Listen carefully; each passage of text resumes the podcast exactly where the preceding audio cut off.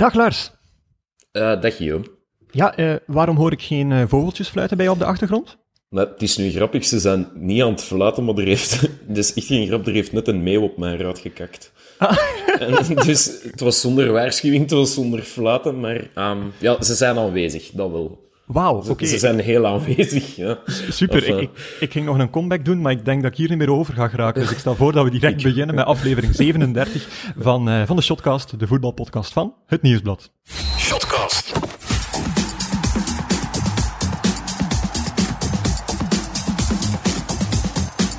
Ja, Lars, uh, welkom. Uh, en, en samen met jou een, een meeuw. Wat, wat was dat ja, ook alweer? Ik, allee, ik weet het niet, ik ben geen ornitholoog of zo, maar laat het maar zo zeggen, er hangen fecaliën aan mijn raam. En, wow. ze, zijn niet, en ze zijn niet van mij. Wauw. Dus, uh, ja. dus, ja, dus ja. het wordt zo'n aflevering eigenlijk. Ja, ja. Dat is nog maar het begin, denk ik. Dit is nog maar het begin, ja, want we gaan even duiden. Het is aflevering 37. Um, en ja, eigenlijk lopen wij nog steeds een beetje op de, ja, op de golven van het normale voetbalseizoen. Dus wij komen eigenlijk tot een climax. En uh, de climax is eigenlijk dat dit onze, onze laatste traditionele aflevering is met drie. De voorlaatste van het seizoen, voordat we er uh, even tussenuit gaan. Dus als ik zeg met drie, dan mag ik ook onze chef, echte chef, verwelkomen. Gert, we, we zijn weer helemaal alle drie samen. Dag jongens, alles goed? Ja, dag, altijd zo'n altijd zo'n beetje condescendent zo, hè. Dag jongens, ja. Goed aan het spelen wat ik, mij wel af, wat, ik, wat ik mij wel afvraag, Lars, ben je iemand die dan zelf uh, de, de ramen wast? Of komt uh, uw, moeder ja, of zo dat doen? Nee, niet mijn moeder. Nee. Ik, heb, uh, ik maak gebruik van dienstenchecks, maar dat is ook opgeschort in deze tijden. Dat is dus niet waar ja, nee, bij mijn bedrijf wel. Dus mijn kuisvrouw is al geweest. Echt de, mooiste donderdag van heel de quarantaine. wel, ik kijk er ook naar uit. Um, ze gingen iets laten weten als dat terug ging beginnen, maar momenteel nog niet. Dus, bij ons uh, dinsdag terug. We zijn echt over kaasvrouwen bezig. Oh, geweldig. Met stip in de agenda's overal. Nee, uh, Lars, uh, je was er vorige week niet bij Mike nee. uh, van Hamel. En ik denk dat dat wel, ja, misschien een vervelende was. Want ik denk, jij en Mike zouden wel twee handen op één buik geweest zijn. Ja, ik denk het ook wel. Um, toen ik hem zo bezig hoorde, ik, ik, um, ik mocht hem wel. Ik vond het een klasbak. Ik vond heerlijk ongedwongen ook, zo, zo niet plat gemediatraind en gewoon zichzelf. En ik, ja, ik, heb, ik heb wel een beetje spijt dat ik er niet bij was, dat zeker. Ja, als ook uh, ja, een prachtig idyllisch uh, tafereeltje daar in zijn tuin. Hè? De vogeltjes die floten, het kleine windbriesje ja. dat, door de camera, dat door de microfoon kwam. Ja, ik moet nu wel zeggen, toen, toen de intro startte, hè, ik, ik was vol verwachting aan het luisteren, mijn eerste reactie was, oké, okay, wie van de drie is zich op een boerderij gaan zetten? Want de, en een haan, was het geen een haan of zo die aan het kraaien was? Exact. Ja, dus allee, ja, qua intro kon dat wel tellen. Nee, maar ik, heb, ik heb er wel van genoten, absoluut. Ja, ja. De haan had tot drie keer gekraaid zelfs, voordat dat hij naar binnen moest. Dat is echt geen joke. Als je dat herbeluistert, na drie keer kraaien moest hij naar binnen. Dus okay. uh, ja, er zijn uh, super uh, natuurlijke krachten bij Mike aanwezig thuis. Nee. ja, het is de eerste keer sinds, um, sinds het begin van de quarantaine dat we nog een keer samen zijn. Ik, ik weet nog dat, nu zit ik vrolijk in mijn bureau. Zo de podcastopstelling is wel, is wel in orde gekomen. De eerste keer dat we dat deden, zaten we via webskype uh, op te nemen. Ik ben toen nog op mijn bed gaan zitten, omdat ik daar dacht van, hier heb ik het minste uh, ja, weerklank. Ik heb nog een deken over mijn deur gehangen, zodat dat geluid niet zou botsen daartegen. Dus dat is gelukkig allemaal voorbij, die periode. Maar, Lars, uh, Lars zit ook niet meer in zijn kleedkast nu. Lars zit niet meer in zijn kleerkast, dat is waar. maar nee, Lars, begin jij een keer met te zeggen wat je eigenlijk los van werk, los van podcast, de laatste acht weken, negen weken gedaan hebt? Ja, een beetje, of meegemaakt hebt. Een beetje de muren opkruipen. Hè. Um, dat is sowieso. Maar, maar deze week, specifiek deze week, dat is nog wel grappig. Um, ik, zat, uh, ik, zat, ik zat op Tinder, want het is quarantaine voor iedereen. Um, en, en, ja, net toch? En ik, ik ben er iemand tegengekomen, en dat is, dat is eigenlijk grappig. Ik was die in mijn nieuwjaar, uh, had ik die leren kennen. En het, het, het, grappige was, een van de eerste dingen dat ik er tegen zei, is van, hey, ik ken u van op Twitter en ik heb u gemute. Ja. Wat eigenlijk achteraf gezien niet zo heel vriendelijk is of zo, maar... Wat een openingszin. ja, ik weet niet hoe dat, dat gekomen is. Um, maar ja, die, die weet dus dat we een podcast maken. Um, want uh, zij luistert naar de Volksjury en daarin zijn we ooit vernoemd geweest door uh, Christophe Dane. Dus ik wil eigenlijk oh, voor het moment nog eens een, uh, allez, nog eens een bedankingsje richting Christophe Dane sturen. Het is andersom, hè?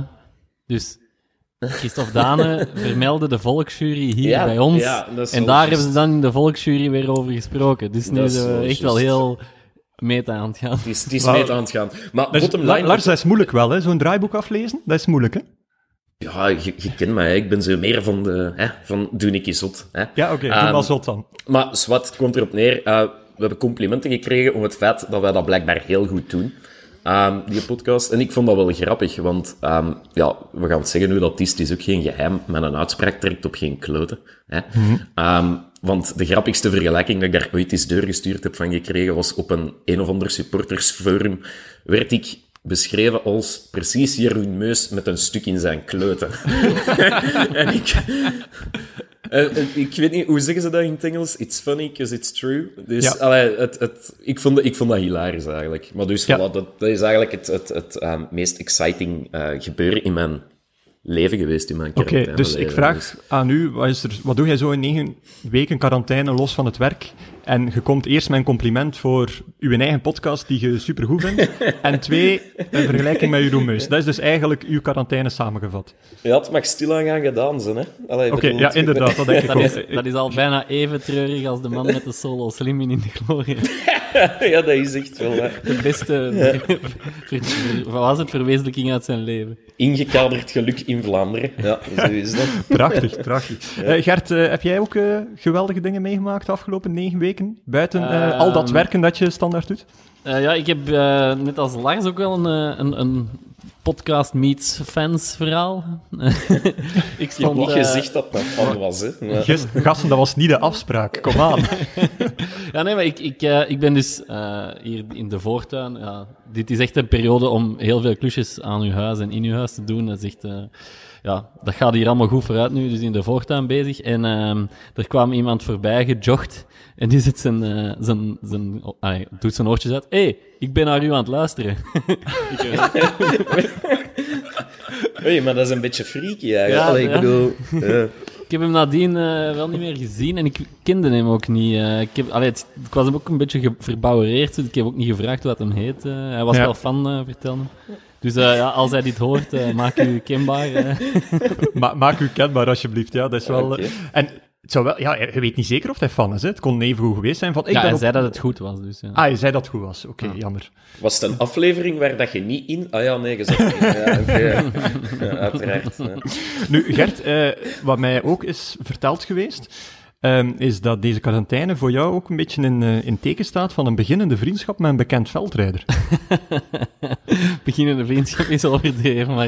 Uh, ja, maar je, pronkt, je pronkt er wel mee, hè? Ja, tegenover jullie, hè, ja, maar dat is uh, al heel heel gedetailleerd natuurlijk. ja, ik, ga, ik, ik ben nu net ook deze volgende dag nog een rondje gaan fietsen. En, maar ik ben hem niet tegengekomen. Onze, onze ja, ons, een beetje idool hè, van ons toch? Dolf Pemen, de, de veldrijder van Proximus. Oh, maar hoezo? Wat is het verhaal eigenlijk? Want, allee, wie is Dolf Pemen? Ja, wie is Dolf Pemen en waarom is dat uw goede vriend? Ik weet, ik weet eigenlijk niet waarom dat, dat onze goede vriend geworden is. dat is ook van jullie. Maar Dolf Pemen is een professioneel veldrijder of, of die werkt aan een doorbraak. Dus binnen nu en vijf jaar staat hij op een uh, podium van de jaarmarktcross. Wij, geloven, wij geloven in hem. Hè. Ja, en, en hij woont hier in de buurt en ik kom die af en toe tegen op training. Allee, okay. hij aan het trainen, ik gewoon aan het fietsen. Oké, okay, ah, wel, dan, dan kun jij later als eerste bij zijn camper staan als ik hier een zegenpal meepakt. Ja. Uh, Ga iemand de vraag stellen aan mij wat ik, doe, of moet ik het zelf Nee, dat doe, uh, dat doe je toch meestal zelf, dus doe Dat doe ik meestal ja. zelf, hè. Meestal uh, begint dat met, zal ik een keer zeggen wat dat ik gedaan heb? Ja, maar, ah, welke? dus doe, doe maar. Hè. Dus dat zal ik doen. Uh, ja. veel, veel gaan sporten eigenlijk, want jullie spreken over klusjes en over ja, zelfbevlekking door complimentjes te geven. toch ook?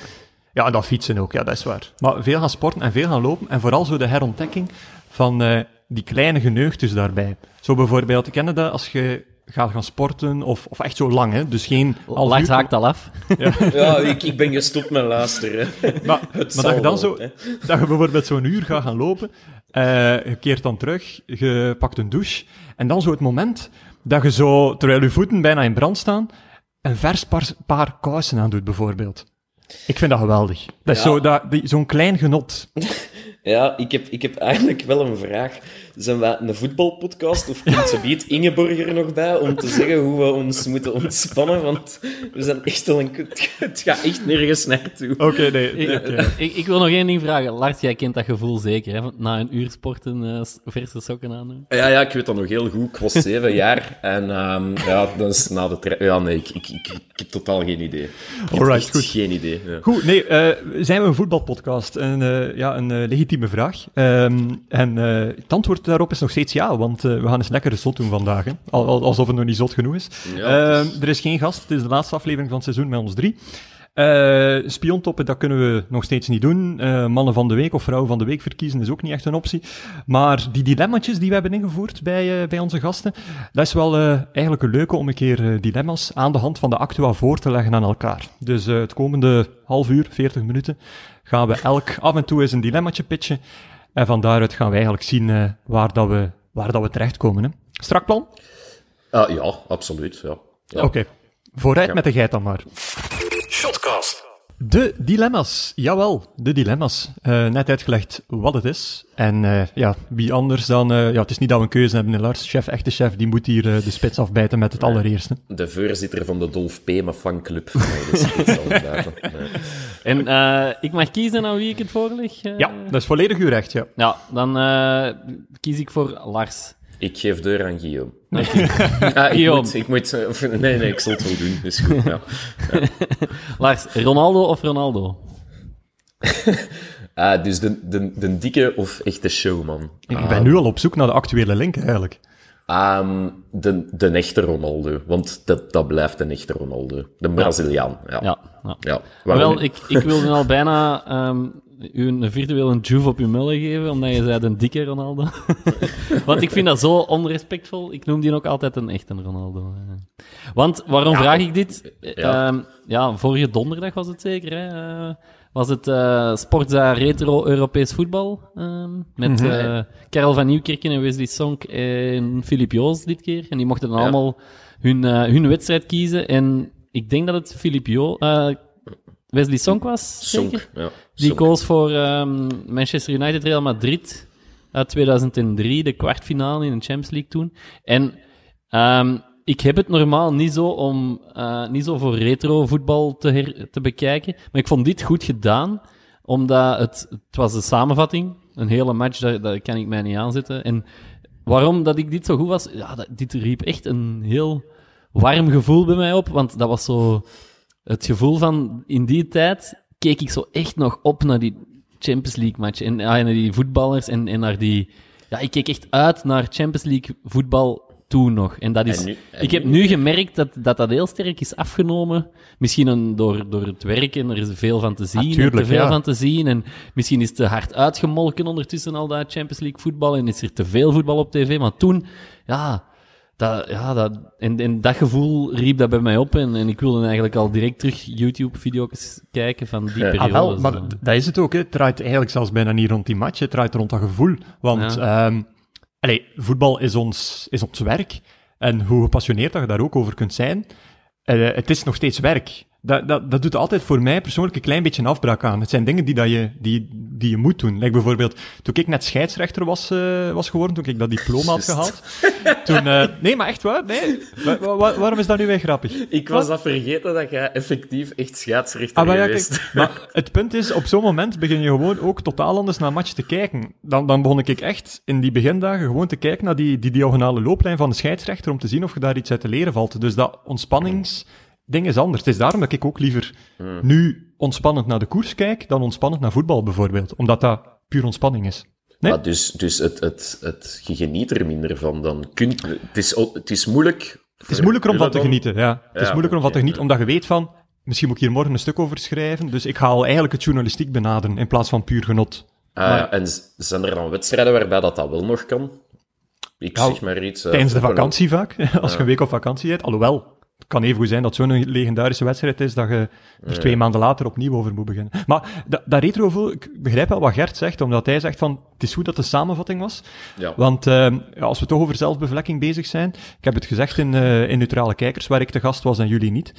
Ehm, namelijk dat eh, zo'n volledige wedstrijd, hoe groot dat hij ook was, daar kan ik mij minder aan boeien, omdat het... Ja, ik, ik wacht dan liever 20 minuten voor dan die ene fabelachtige actie te zien opduiken. En allee, daar wacht ik liever niet op. Ik, ga, ik zet dan liever door naar dat. Ja, Dus, dus ook. daar heb ik het wel moeilijk mee om dat gewoon integraal op je eentje te bekijken. Ja, Maar net dat- daarom is dat goed gedaan, vind ik, zoals Ja. Newport dat nu deed. Ja. Maar de meeste, de meeste wedstrijden zijn ook een pak minder episch dan dat ze in uw geheugen zitten. Eigenlijk is dat... eh, Stel nu... ehm, Verbazing van een kind, hè. Ja. Ja, ik, ik, denk, ik denk dan bijvoorbeeld aan de kwalificatiematchen in 85 ehm, tegen Holland. Dat is zo'n epische proporties aangenomen. Maar ik zou die match eigenlijk niet integraal willen terugzien. Om, Maar, e- echt, die, echt, maar dat is toch geen herinnering- herinnering voor u? Dat is toch nieuw voor Ah, u? wel, ik nee, wil maar dat is cultureel erfgoed en ik wil niet dat dat... dat ah, ik wil dat die mythe blijft bestaan. Ik wil die wedstrijd niet bekijken en dan denken... Ja, was het dat eigenlijk? Snap je wat ik bedoel? Ja. Ja, maar wat, wat Guillaume vraagt, ik wilde eigenlijk net zeggen, die andere match die donderdag werd getoond, Club Brugge-Dortmund uit 1987, daar had ik dat helemaal niet bij. Dat is mijn geboortejaar. Ja, ik heb geen enkele herinnering aan die wedstrijd, dus dat, dat riep ook geen gevoelens op bij mij. Tegenover Ja. die andere match wel, Ja. omdat dat zo herkenbaar was en zo, ja, een beetje de, de, de jonge gast Oh, ja. die mij En- terug boven haalde. Ik, Ja. ik zal het anders vragen. Zouden binnen 20 of 25 jaar eh, Brazilië-België van op het WK nog eens integraal willen bekijken? Integraal niet, denk ik. Nee. Maar dat bedoel ik. Maar Allee, ik, ik zou wel, maar dat is dan weer omdat dat, om, ik, ik vind dat ook een tactisch een hele goede wedstrijd. Dus dat eerste half uur, met dan die positionering van Lukaku, die dan in, in balverlies daar eh rechterspits wordt eigenlijk. Dat, dat was geweldig, daar kunnen zoveel uit leren. Maar dat gevoel oproepen, ja, dat was ook raar, want ik heb die match meegemaakt op de redactie. Gert was daar. Dus dat zijn al twee totaal verschillende ehm, ja, verbazingen die dat je daaraan overhoudt, denk ik. Ik zat op Werchter en ik moet zeggen, ik zou het niet meer... Allee, dat moet intact blijven. Dus Ah, wel, laten- ja. we gaan dat gewoon zo laten. Dus die retro... Ja, f- goed dat samenvattingen zijn. Oké, perfect. is Volgende de dilemma dan, of? line. Jawel, jawel. Het is aan mij, het is aan mij, aangezien ik niet mocht aan antwoorden. Ehm, Gert, jij mocht, eh, jij mocht antwoorden nu. Ja, Ehm, de mening van de voorzitter of liever de clichés van de speler? Ja, nooit clichés, dus de mening van de voorzitter, hoewel het zal wel Een zijn. goed Ja. interview met een speler beter is dan een goed interview met een voorzitter, vind ik. Maar zwart, als goed. ik moet kiezen tussen de mening en de clichés, de mening. Ah, maar ik ben blij dat je kiest mening van de voorzitter, want dat brengt mij naar eh, de Nationale Veiligheidsraad, de, de laatste die we gehad hebben, die dan de beslissing maakt in één zin van geen eh competitievoetbal of competitiesport zelfs tot 31 juli. En dan, ja, wij beginnen dan daarop te bellen en wij willen reacties van, van betrokken partijen. Club die, ja, gaan jullie nu toch kampioen worden? Eh al spreken over abonnementen, wat zeggen de ploegen die liever hadden willen voetballen, zoals Antwerpen en zo. Waasland Beveren was dan er ook eentje van, want die, ja, die komen nu in nijpend degradatiegevaar. Ehm, en iedereen, elke, elke grote CEO of, of, eh, of, of voorzitter of algemeen directeur, die, die geeft zijn reactie. Nu bij Waasland Beveren, onze, onze medewerker Wim Houtenkiet, die, eh, die belt. En Dirk Huyck was niet beschikbaar, maar. Waasland... Ja, Dirk Huyck, de voorzitter, gaf, eh, was niet beschikbaar. Maar Waasland Beveren stuurde wel een, een, een instant reactie door na de pers, die als, die als eh, vervanging zou kunnen dienen. Namelijk de reactie van speler Daan Foulon. Waarom? En waarom? Toch niet Ja. eens de kapitein, of wel? Dat is niet eens de kapitein en dat is een jonge gast die, die wel oké is, maar allee, dat is niet de beste speler, dat is niet de kapitein. Dat is, dat is iemand die, die letterlijk geplukt werd uit zijn zetel en gezegd, en waarschijnlijk de enige had die een opgeladen iPhone had, om, om effectieve reactie in te spreken, zodat dat uitgetikt kon worden op de website. Zo, ar- waarom Daan Foulon? Ik snap het gewoon echt niet. Oei, Maar ik vind, ik vind dat wel een beetje ehm, ook erg voor hem. Ja, Allee. voor hem, voor de communicatie van Waas aan. Allee, op zo'n moment moet je toch een statement in... Je moet niet per se een allee. statement innemen, maar je moet toch een, eh, allee, een relevant sterk figuur van de club naar voren brengen. Ja, dat is waar. Dan is het in het slechtste geval, zegt persverantwoordelijke, ehm, hoe heet hem? Ik weet het niet. Oei. Allee, Hij zal het graag horen. Ja. ja, denk, ma- maar- denk Martijn de Jonge. Ja, juist. juist. Nee, juist. Ah, ik heb trouwens, want misschien even tussendoor, we gaan hier te snel aan voorbij. Die eh, speler heet niet Daan, maar Daam. Ja, ja, Daan, Met, dat zei met, ik. de, Met de, met de M van eh, Mama. eh, mama. En ik heb dat, ik Happy heb dat- Moedersdag trouwens, eh, mama. ik heb dan een keer opgezocht, dat komt blijkbaar van Damiaan. Is dat? Ja, ik heb dan opgezocht, het komt van Damiaan. Maar en komt het van, van Damian of Damian? Eigenlijk van, van, het Griekse, van de Griekse naam Damianos, dat is afgeleid van damazijn. Dat is een werkwoord met de betekenis bedwingen.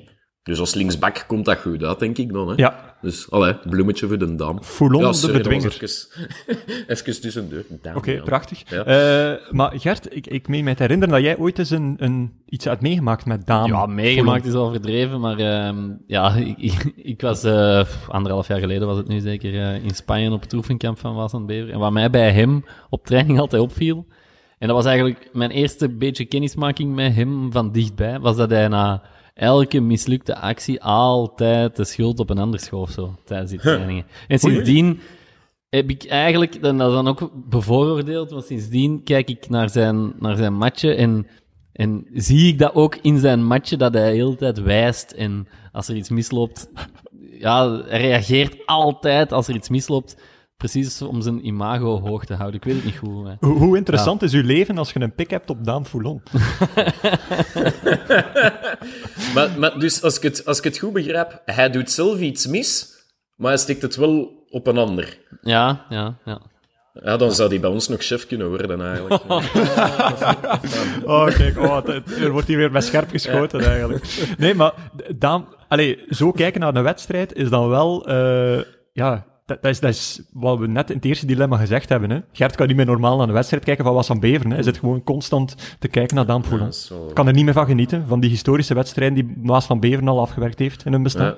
Ik moet nu wel zeggen, als we het hebben over de reacties, over, over het, het allee, pas hervatten van eh, competitieve sport vanaf eh 1 augustus zal het zijn, die discussie tussen... Ten vroegste Joseph 1 augustus. Hè. Ten vroegste 1 augustus. Die, die discussie tussen Joseph Allijns en Ben Wijts op Twitter. Prachtig. Ik, ik heb een zak popcorn gepakt en ik ben er lekker gaan voor zitten. hè. Het was, ik, ik vond het goed. Hè. Geweldige er- kolder. Ja, het kwam erop neer dat, dat ja, ik begrijp Allijns ook wel, ehm, die had kritiek op die beslissing. En ja, hoe gaan we dat in de praktijk doen? We mogen niet voetballen, maar 1 augustus zouden we per definitie wel weer de competitie moeten of kunnen hervatten. Ja. En Allijns is voorzitter van KVK. Voorzitter van, eh, van Kortrijk, inderdaad. Maar ja, natuurlijk met oefenwedstrijden om in vorm te geraken. Hè, dit, er was voer voor discussie. Waarop dat, eh, Ben Wijts, dus eh, ja, Vlaams minister van Sport zal het zijn, hè, ehm, daarop reageerde. Er was ene zin die echt alle, alle verbeelding trekt. En dat was, ja, voetballen, je verleert dat toch niet. Dus het zal, het zal wel gaan. Wat dat eigenlijk, allee, als minister van Sport, een, een, een, een waanzinnige quote is. Allee, dat, dat gaat er bij Ja, mij ook- echt in. En ook een beetje naast de kwestie, een beetje populistisch. Helemaal, ook, eh, helemaal. Ja, is dat nu zo erg? Er sterven mensen. Ja, daar kun je alles mee kapot Ja. relativeren. Ja, dat is waar, ja. Maar ik stel voor dat we gewoon Jan Keulemans even bellen en, en vragen of hij terug in de spits van Club Brugge wil gaan spelen. Want voetballen verleer ik kennelijk niet. Dus eh, Ja, dat is wel juist. Ja. Maar dus, allee, bij ons zal het nog wel even duren, maar, maar in Duitsland is, is volgende week al eh, weer van dat, als ik het begrepen heb. Ja, eh, en dat is naadloos eh, overgebracht naar je, naar je volgende dilemma, zeker? Ja, dus eh, dat, dat was eigenlijk mijn, mijn bruggetje dat we, dat we niet gaan benoemen. Maar we moeten geen bruggetjes hebben. Je moet gewoon dilemma's Ah, ja, oké. geven. ik, ik zal eh, eh, een dilemma aan Gert eh voorschotelen dan. Een middagje gelbewand of een pint gaan pakken met de Keulense geit. Easy. Dan Ja, toch toch, hè. liefst een middagje gelbewand. Ja, Ja, Lars, eh, serieuze vraag over Ja. een niet serieus onderwerp. Ehm, hoe moet ik mij een pint pakken met een Keulense geit inbeelden? Gewoon, je zit naast die geit een pint te pakken. Hoe Oké. is dat niet? Dat zijn toch foto's voor het nageslacht. Ik heb ooit een pint gedronken met de, met de, met de geit van Keulen. ja, nee, ik zelf... Enfin, bon, ja, kijk. Ik heb ook mijn persoonlijkheid, hè, Michel. Ja. Ja, oké, Enfin, goed. Nee, maar ehm, dus ja, gelbewand, want ehm, is het, eh, er is komend weekend al wel een derby, hè? Is het eh Dortmund Schalke. Schalke of Schalke Dortmund? Dat weet ik Eh, eigenlijk ik, niet denk, denk Schalke Dortmund, maar Ah ja, dus pin me geen daar niet op vast. Ik waag mij ook niet meer aan. Nee. Maar ehm, wel opmerkelijk hè, dat die overal eindigen de competities en volgend weekend beginnen ze te voetballen in eh, de Bundesliga. Ehm, en dit weekend, eh, ik weet niet of jullie het gezien hebben, maar zijn er in hè, de krant, de Duitse krant, zijn de, de richtlijnen richting de ploegen uitgelekt. En dat was toch wel best opvallend. eh, al- Ik heb alles die niet gezien, eigenlijk. Want ehm, ja, dus bijvoorbeeld de, als er fans komen opdagen, hè, alles is achter gesloten deuren. Als er fans komen opdagen, wint de uitploeg. Dus Dat is eigenlijk, eigenlijk kun je als uitploeg kun je naar dat stadion gaan en heb je gewonnen. Ja, Gewoon allee, verkleed als fans van de thuisploeg. Ja, voilà. Dan, en dan nog een paar, een paar opvallende andere regels. High, ja, vrij logisch. High fives, omhelzingen en knuffels na doelpunten zijn verboden. En Maar dan dat is toch totaal niet logisch? Stond er een byline. Een kort elleboog of voetcontact is wel toegestaan. Maar Oké. even, Ik vind dat dus niet is- logisch, hoor. Dat, is- Dat- dat, dat is- zijn dat is dan niet te extra, vermijden. Ja, dat zijn dan extra contacten, om het zo te zeggen, of overbodige contacten. Maar eh, ja, wordt er, zijn er regels opgelegd die het, puur het spel kunnen beïnvloeden of niet? Dat is Eh, onmogelijk, denk ik. Nee, nee, nee. Nee, nee. Eigenlijk niet, want ja, duels mogen nog. Spelers wordt wel aangeraden zo ver mogelijk uit elkaar te blijven op momenten dat het kan, staat er. Maar, Eh, geen handjeklap bij wissels. Ehm, spuwen, niet spuwen. Maar ik weet niet of dat, dat uiteindelijk met een gele kaart wordt bestraft, want daar is ooit ook in Engeland wel sprake van geweest, maar hier weet ik het niet. Maar dat is toch ook- onmogelijk niet spuwen, want als je, als je echt ergens diep in gaat... Allee, sorry, maar bij mij, ik krijg een bek vol slijms hè, na zoveel kilometer lopen, dus ik zou graag blijven ademen als ik het In uw elleboog spuwen dan, hè. Ehm, Oké. Er mag ook niet in twee rijtjes het veld opgelopen worden, de twee ploegen, maar eerst de ene ploeg, dan de andere ploeg. Ehm, ook opvallend, de wisselspelers en de coaches moeten een mondmasker dragen. De hoofdtrainer mag die zowel nu en dan afzetten om instructies te geven. Zo hij moet er dan wel dan. zeker van zijn dat hij minstens anderhalve, collega van een collega, anderhalve meter van een collega verwijderd is. Oké. Ehm, en ik denk ook dat Bob Peters in het comité zat om de regels op te stellen, want er staat... De, de kleedkamer dient om om te kleden. Ja. Allee, ze bedoelen natuurlijk alleen om om te kleden en zo snel mogelijk eruit, binnen, buiten. Eh, Ja. maar, maar jongens, het ergste voor ons, Oei. mascottes zijn verboden. Oh. Ai. Ai. Waarom? Want die hebben toch meestal een masker op van hun eigen? Of, Ja? allee. Geen idee, vraag het eens aan Bob Peters, die heeft de regels opgesteld. Oei, dat is wel... Oh, dat vind ik wel jammer. En zoals Ja. Lars zegt, dat is totaal niet logisch, want die zijn mega bedekt. Ja, Ja, de meeste. dat is om een aantal wel. mensen te, te beperken, zeker. Allee, zonde eigenlijk. Nu, het is wel... Allee, ik, ik haat het om uit te spreken over wanneer moet alles weer starten, want dat is weer een mening erbij die er niet toe doet, want de enige die menings daarover, meningen daarover zouden mogen hebben, zijn mensen die daar effectief eh, expert in zijn. Maar dit toont toch wel aan dat het allemaal te vroeg komt op, op vlak van, van, eh, van gezondheid, hè, economisch en, en het feit dat mensen het terug willen, daar kon het niet vroeg genoeg beginnen, maar dit toont toch gewoon aan dat het, ja, allee, dat trekt toch op niets eigenlijk. Ja, is- ik, ik wil het nog wel eens zien zelfs, want ehm, afgelopen weekend is heel de ploeg van Dynamo Dresden in tweede Bundesliga in quarantaine. Allee, die moeten eigenlijk Ja. in quarantaine, want eh, er zijn redelijk veel positieve gevallen. Ja. Dus die kunnen al niet voetballen volgende week. Dus Het is toch één, compleet onhaalbaar en, en, en twee, gewoon totaal onverantwoord eigenlijk. Dat is toch heel simpel. Ja, dat is waar. Lars, zet ik je wat dichter bij de micro trouwens, want je klinkt plotseling zo ver weg. Eh, eh, ja, het is hier geen ontspannend uurtje, hè? Ik was zie dat je al volledig in ontspannende modus zit, maar... Lay was, ik, ik was achterover aan het leunen. Ja, ik zet ik je terug. Nee, maar het ergste van al vind ik dan nog zo die, die, die gemaakte pogingen om toch wat sfeer te creëren. Dat is echt... Belachelijker wordt het niet. Like, ehm, ja, die, die bioscoop drive-in van eh, bij Midtjylland dat ze, dat ze willen doen. Dus dat eigenlijk alle supporters wel in hun auto's rond het stadion moeten komen staan. Want er is wel plaats voor 10.000 auto's. En dan zullen ze op grote schermen eigenlijk alles ehm, eh, projecteren rond het stadion. Dat wordt dus geweldig voor die spelers dat ze constant dat getoeter gaan horen van die wagens. Los van de mensen in die auto's. staan. Ah, wel, dat zou wel een geweldige spiontop zijn. Eh, dan, eh Geronimo is bezig met het Home Stadium, waar eigenlijk mensen die achter hun tv zitten, hun geluid eh, vervormd wordt en naar het stadion gebracht wordt.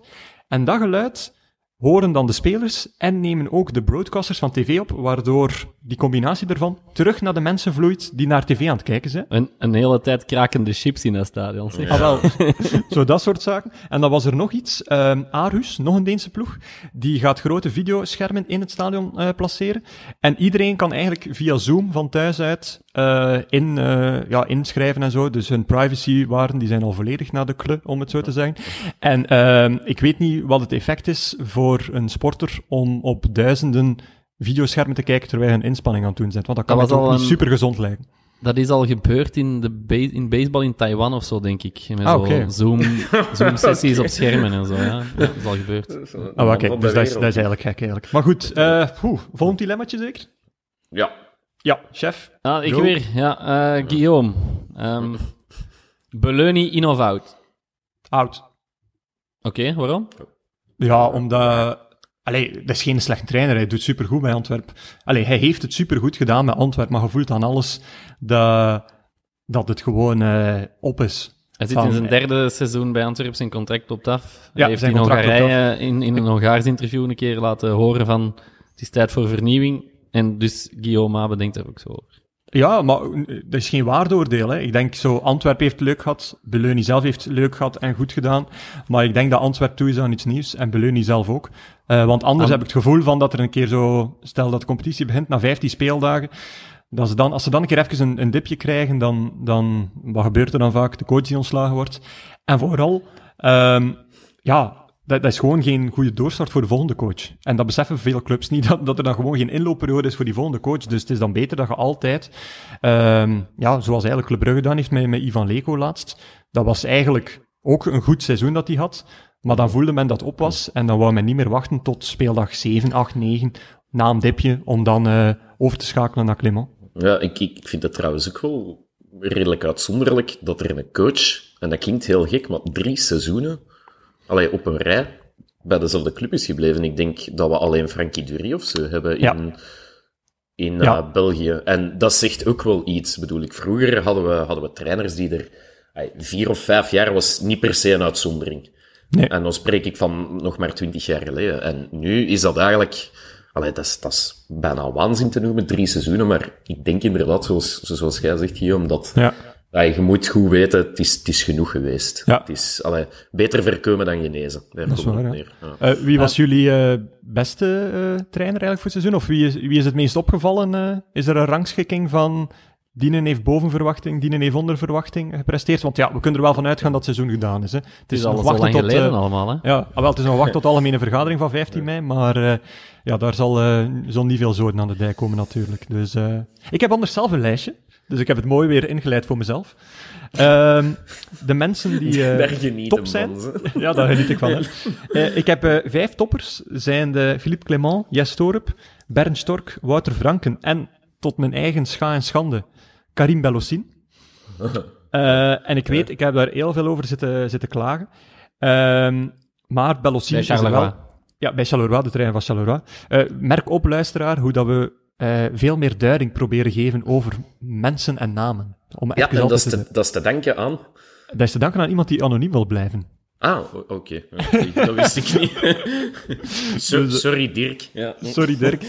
Ehm, nee, eh, en maar wat Bellossin er wel in geslaagd is... ehm, ah, ik heb nog steeds weinig... Ja, het is altijd straf als een coach iets aanvallend kan neerzetten dat, dat nieuw is. Zoals bijvoorbeeld Guardiola gedaan heeft met Barcelona. Dat, is, dat staat aanvallend en de tegenstander moet zich daaraan aanpassen. Maar Bellossin heeft wel de kunst gemasterd van eh, zichzelf keigoed aan te passen altijd aan de tegenstander met een solide verdediging. Is altijd leuk om naar te kijken? Helemaal niet. Maar het is wel perfect op maat van Charleroi. En ook Morioka heeft hij een volledig nieuwe rol en volledig nieuwe mentaliteit gegeven. Dus daardoor, houdt hij, eh, daardoor mag hij er wel bij zijn. Nu, de floppers die zijn met vier. Mag, ik- mag ik nog Ja, eh, één dingetje vragen over eh Belossin? Hoe moeten we die nu inschatten als trainer? Want we hebben nu dat heel goed seizoen gehad, maar kan hij nog veel stappen Ah, wel, hoger? Want je denk- merkt wel vaak dat er Ja. een aantal coaches zijn die...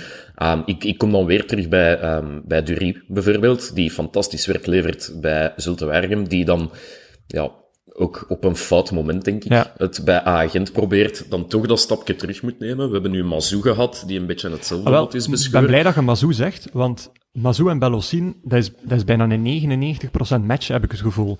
Namelijk, Mazou ja. was ook iemand die supergoed, één, kon motiveren en twee, vanuit de reactie spelen. En daar heeft Genk zich gewoon ook verkeken op de resultaten. Door hem binnen te halen. Terwijl Genk kan dat voetbal niet spelen. Ehm, en nu mogen grote clubs die een nieuwe coach zoeken, dat ook niet doen met Bellossin.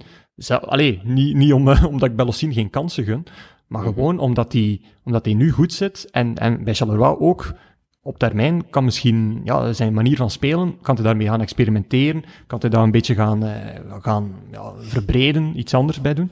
Eh, ik zou dan eerder opteren voor een Wouter Franken, die veel meer eh, ja, aanvallend ingesteld is en aanvallend iets probeert neer te zetten en minder verdedigend. En dat past al meer bij een topclub die, die op die manier wil spelen. Mag ik um, Franke kiezen als topper? Of, of is het niet de bedoeling dat wij iemand kiezen? Ah, nee. Ik had Frank er Ah, al oké. bij gezet, ja. Maar Ah, ja. i- is er iemand niet akkoord met het lijstje Bellossin, Clement, Torup, Stork, Frank? Uh, klopt als een zwerende vinger voor mij. Dus, um, Ik twijfel of eh Verkouter er eventueel nog bij hoort.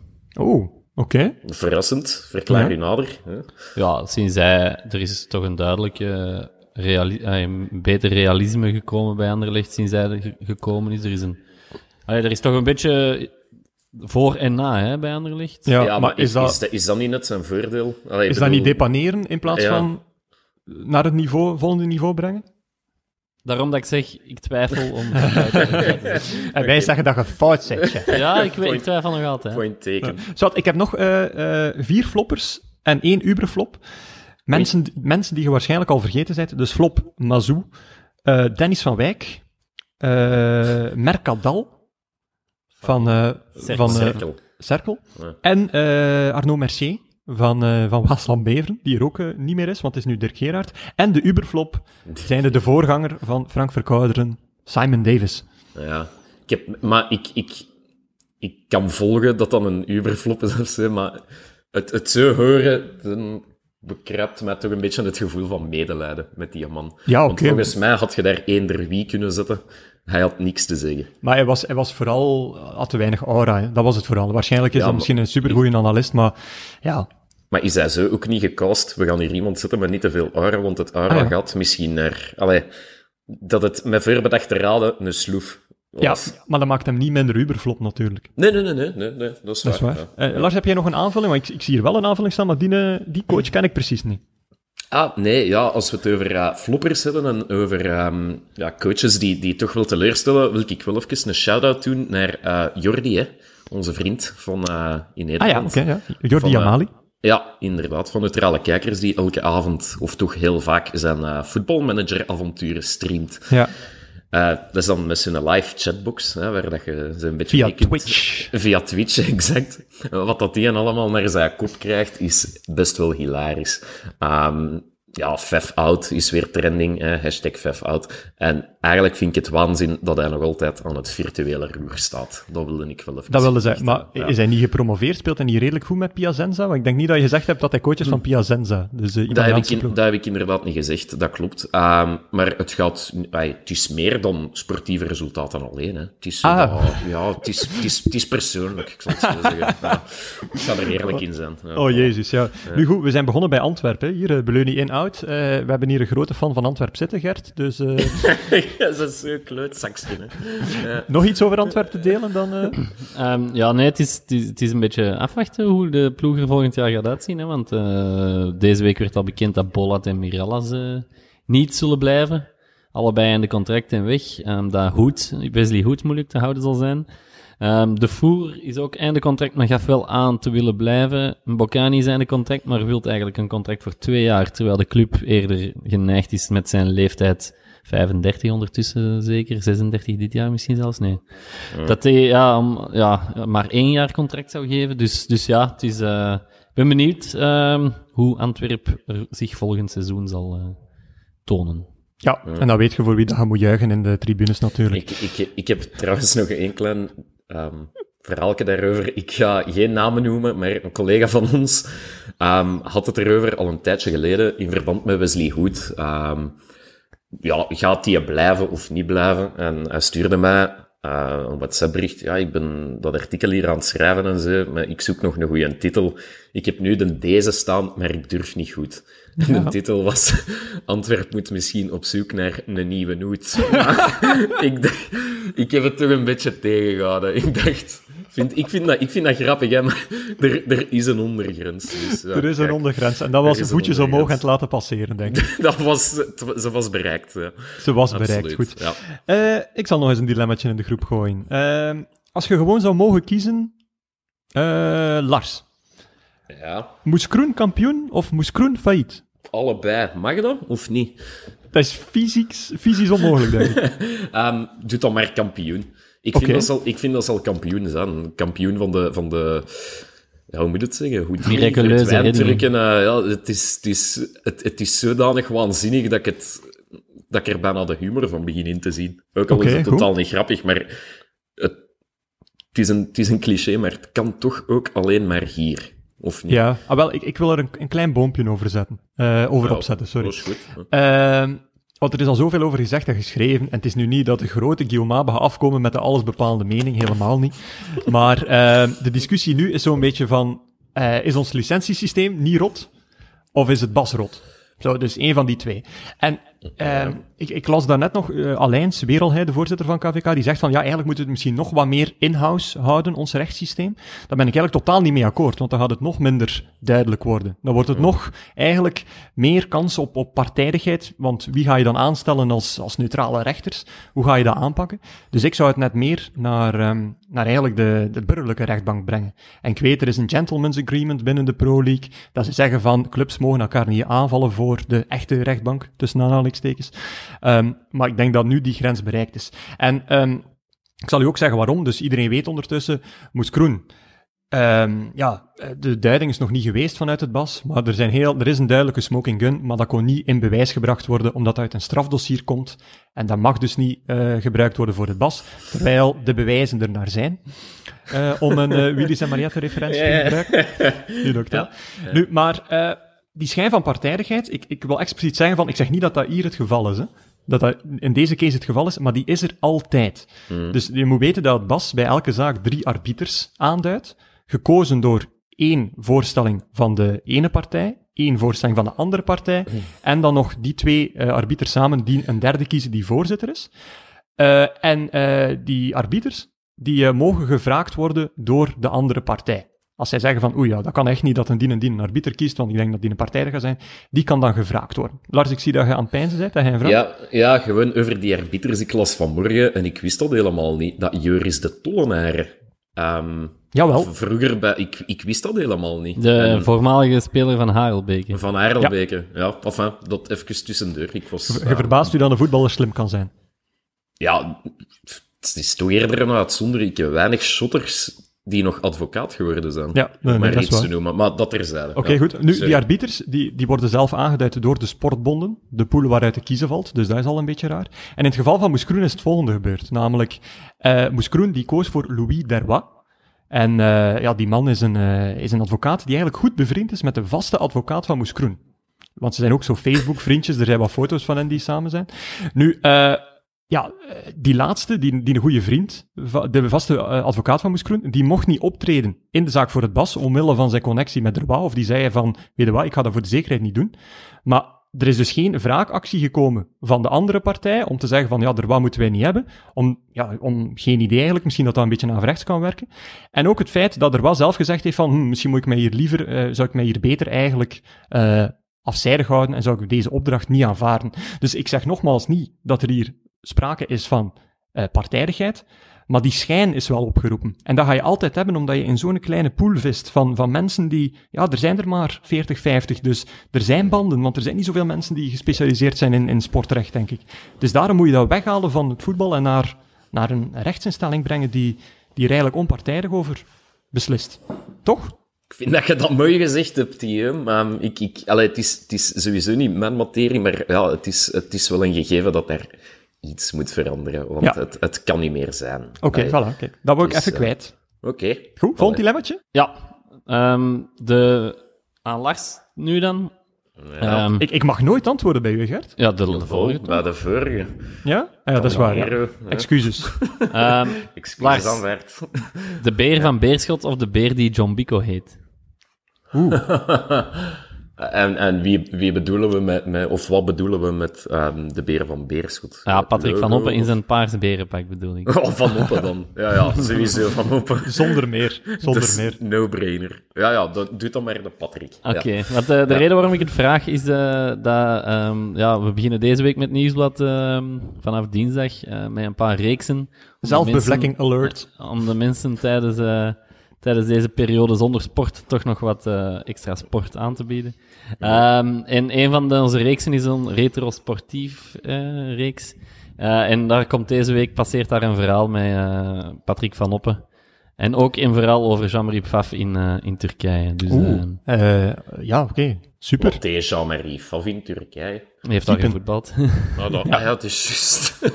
ik dacht... Bij Trabzonspor zeker? Hè? Of geen... Ik dacht dat... Ja, Trabzonspor, denk ik, ja. ja. Ik dacht dat het verhaal ging zijn van toen hij op vakantie ooit eens een hotelmedewerker een trap onder de kont had verkocht. Nee, nee, nee. nee. Vlaanderen in rep en roer. ja. Nu, als je toch zo'n verhalen opdist... Um, ik heb ooit eens gelezen dat Vincent Manhart steward is geweest op het WK 1994. En uh, dat is misschien wel een keer, ja, ja via een uh, Amerikaanse ploegmaat toen hij zelf voetbalde bij Eendracht Aalst. Okay. Uh, dus dat verhaal zou ik ook wel graag eens willen lezen. Als, eh, wie, wie, moet dat doen? David zeker, hè? Wim. Wim, oké. Okay. Wim Vos. Dus Wim Vos, Vincent Manhart op het WK 1994 als steward. Dat verhaal, 250 lijn, wil ik overlezen. En steward als in allee, de, de standaard fluwevest zoals we die hier kennen? Of steward als in de bediening in de VIP-ruimte? Of, uh, Geen idee, daarom moet er een verhaal over komen. ik weet het niet. Ah ja, oké. Okay. Ja, so, so maar ja. Het is misschien wel goed, Gert, om, uh, om daar een klein oproepje aan te koppelen, hè, voor uh, de laatste keer dat we met ons drie zijn. Met Bico en Van Oppen. Uh, ja, ja, gekke verhalen zeker, hè? Ja? ja, ja, Dat is het eigenlijk, hè? Gekke verhalen, uh, of, of welk verhaal zou nog eens mooi uitgespit moeten worden, is, is eigenlijk uh, ja, is, is een zo'n gek verhaal dat dat nog eens een, eh, een rewind in de krant verdient. Als shotcast, hashtag shotcast. Shotcast.nieuwsblad.be, podcast.nieuwsblad.be. En is ik durf het? te wedden, Gert, dat je zelf ook wel een suggestie in gedachten hebt. Ja, het is alleen, het is alleen uh, net als Van Noppen, dus daarom haalt het misschien niet, maar misschien uh, zo de, de doortocht of, of niet-doortocht van uh, Philips Antoine de Graven bij Antwerpen. Uh, ik weet niet of jullie dat herinneren. Dat was zeg mij niks. Um, in de periode dat, dat Gunther Hofmans en, en, uh, en Um, en vragen dat die de club, de club in handen hadden. Op ah, het einde, die, die hebben elke keer, die hebben op het einde, ja, elke maand waren die aan het leuren om Antwerpen ja. te kunnen verkopen, want ze wilden er vanaf en uh, alles was goed. Maar daardoor werden ze ook wel wat in de armen van wat oplichters uh, gedreven. En gaat dan Nasser Abdella, die zo gezegd, als een ex-voetballer, die dan zo gezegd een Qatarees investeringsfonds had, dat bleek allemaal niet waar. En die Philips Antoine de Graven, die, um, ja, die ging de club ook zo gezegd overnemen. Die zat mee op, uh, op de tribune en zo. Maar dat, dat, bleek ook allemaal één grote luchtbel te zijn. Maar uh, Philips Antoine de Graven was er wel een meester in, want die had zelfs Mark Verwilge uh, een keer bedrogen en belogen. En op die manier 3,5 miljoen euro achter, achterover geslagen. En niet komen opdagen bij zijn rechtszaak en zo. Dus hij is toen ver, veroordeeld voor ja, voor uh, Schoemelen. Hè. Nu weten we welke, welke films en series uh, Gert graag zal aanklikken aan Netflix. Zolang er maar uh, leugens en bedroggen aan te pas ja, precies. inderdaad. Zijn vrouw zal het graag horen. Oei, allee, sorry, sorry, mijn micro stond nog op. Ja. Ah ja, voor, allee, stop maar met uw gezever en gun ons nog eens een dilemmaatje. Um, een lief van 16 of een lief van 18? Oei. Dat is, ja, uh, het is, ja, of, of, voor, voor wie is het bedoeld? Want ik wil hier niet graag op antwoorden, denk ik. Ah, wel, uh, het is voor u. Ja. Dat, dat je zal ik maar... een beetje aan het, aan het zagen dat je niet mocht antwoorden, dus... Uh, ja. Dan zal ik maar 18 pakken, denk ik. Ja, dat lijkt me ook wel... Maar de, het, het, ik denk dat je een kleine verwijzing maakt naar het competitieformat. Dat heb je prima geraden, Guillaume. Dat, ah. dat klopt volledig. Dus dat is eigenlijk het, dat, dat is het voorstel van Club Brugge. Hè. Uh, we schaffen de play-offs af en we gaan terug met, met 18 clubs ja. voetballen. Ja, zondag, uh, zondagmiddag hebben ze dat gelanceerd. Ja, klopt. Nu ja, meningen? Ja, voordelen en nadelen. Hè. Uh, het voordeel is dat er waarschijnlijk weinig rechtszaken gaan komen als de promotiefinale niet gespeeld kan worden.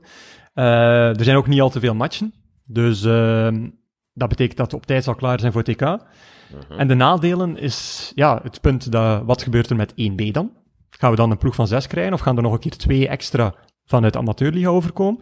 Uh, het is ook gewoon een eigen standpunt, wat ze zelf willen. Dus dat is een beetje, toen mij een beetje denken aan dan Anderlecht, dat destijds voor solidariteit pleiten, net op het moment dat zij het nodig hebben. Club Brugge wil nu graag 18 doen. En ze ondermijnen vooral ook die werkgroep, die, die druk bezig is, vermoed ik. Uh, maar ze hebben daar zelf geen vertegenwoordiger in. En nu doen ze, zeggen ze zelf van, jongens, maar, laten we dit maar doen. Is dat ondermijnen of is dat druk uitoefenen? Ja, druk uitoefenen natuurlijk. Dat is ja. niet onneuzel, hè? Ik bedoel, ja, ik, ik, ik ben benieuwd wat dat allemaal gaat worden. Maar ja. um, ik kijk gewoon waanzinnig uit naar die 15e mei. Gewoon, maar ja, ik denk dat er daar nog een konijn uit de hoed getoverd gaat ja, worden, dat ook, geen naam heeft. Gaat het weer 15 mei zijn, of gaat het weer tot in het zevende knopsgat uitgesteld worden? dat ik gevoel denk- krijg ik ook altijd. Dat altijd als er iets gaat beslist worden, well, we gaan het volgende week doen. Ja, Manjana, alles van Bas is nu wel duidelijk, denk ik. Hè? Dus, ja. En ja, het is wel van... Gert, eh, jij daar prangende meningen over? Ik vind het vooral. ehm, ik heb niet zo'n zo'n grote mening over eh, pro-playoffs, anti-playoffs. eh met Nee, 16 ik ook eigenlijk 18. niet, Maar ja. ehm, ik vind het wel vooral een compromis à la Belge. We houden iedereen content en we gaan met 18 spelen. Het zal Ja. dat wel worden, want eh, dat is de weg van de minste weerstand. Ja, Dus oké. Dat is ook wel waar. Ja. Voilà, kijk, dus ik zit hier een, een exposé van een minuut te geven en Gert zegt in twee zinnen waar dat eigenlijk op staat. Goh. Zo zijn de posities weer gekend. Gert, nog een dilemmaatje. Ehm, ja, Guillaume dan natuurlijk. Ja. Ehm, Guillaume, Melbourne City of New York City? Dat is zo'n kut dilemma. Ehm, omwille van de passage van Richie de Laat en mijn liefde voor de A-League, die niet zo'n grote liefde is, dan toch maar Melbourne City. Oké. Goed. Maar, eh. Eh, ik, ik, Ik- verwacht ik- dat, ja. je, dat je Lommel City als een eh, suggestie zou geven. Ja, want het is eigenlijk Lommel United, hè, toch? de naam, of ooit geweest toch, de naam Ooit van die geweest. club, ik denk dat dat nu ja, weer gewoon... Lommel KVSK. United en nu ja, Lommel Ja. SK. Ja. Juist, Ja, met dus- Frankie aan het roer. Nou, we vragen het natuurlijk omdat ehm, ja, Lommel United op het punt staat overgenomen te worden door de groep boven Manchester City, hè, de ja, City Football Group, ehm, waar ook Melbourne City, New York City en Montevideo en eh, ja, nog Girona. rest, ja, Girona. Dus in totaal, Lommel zou de negende club worden in de groep. Ehm, dus ja, dat staat eraan te komen. Dus ik ben eens benieuwd of, eh, ja, wat dat, hoe dat, dat allemaal gaat uitdraaien eigenlijk. hè. Of Peter. Maas trainer gaat blijven. Ehm, Simon ja. Davis misschien, hè? wie zal het zeggen. Ja. Ehm, maar ik heb daar wel een vraag over, want de bedoeling van die groep, wat is dat eigenlijk?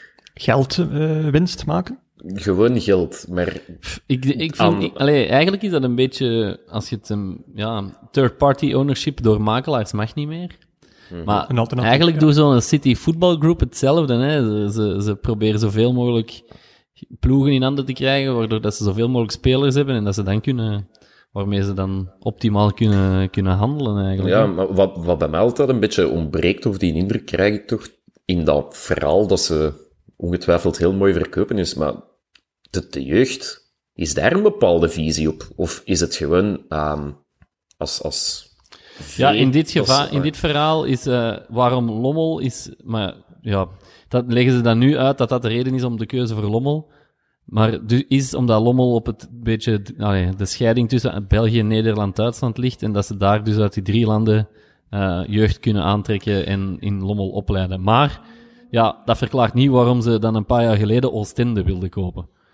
Ja. Want allee, dat ligt geografisch veel slechter. Allee, dus ja dat, ja, dat is ook een beetje verkopen. Waar, allee, de manier om dat te verkopen. eh. Dat is gewoon een, een vies handeltje, vind ik dan eigenlijk. Daar zo geen leuk gevoel bij. Het punt is ook van, ja, Manchester City is ook door voetballeaks wel ontmaskerd. Of de Manchester City Football Group als iemand die gewoon getruckeerd heeft met, zijn, uh, met de financial fair play door sponsorcontracten op te waarderen.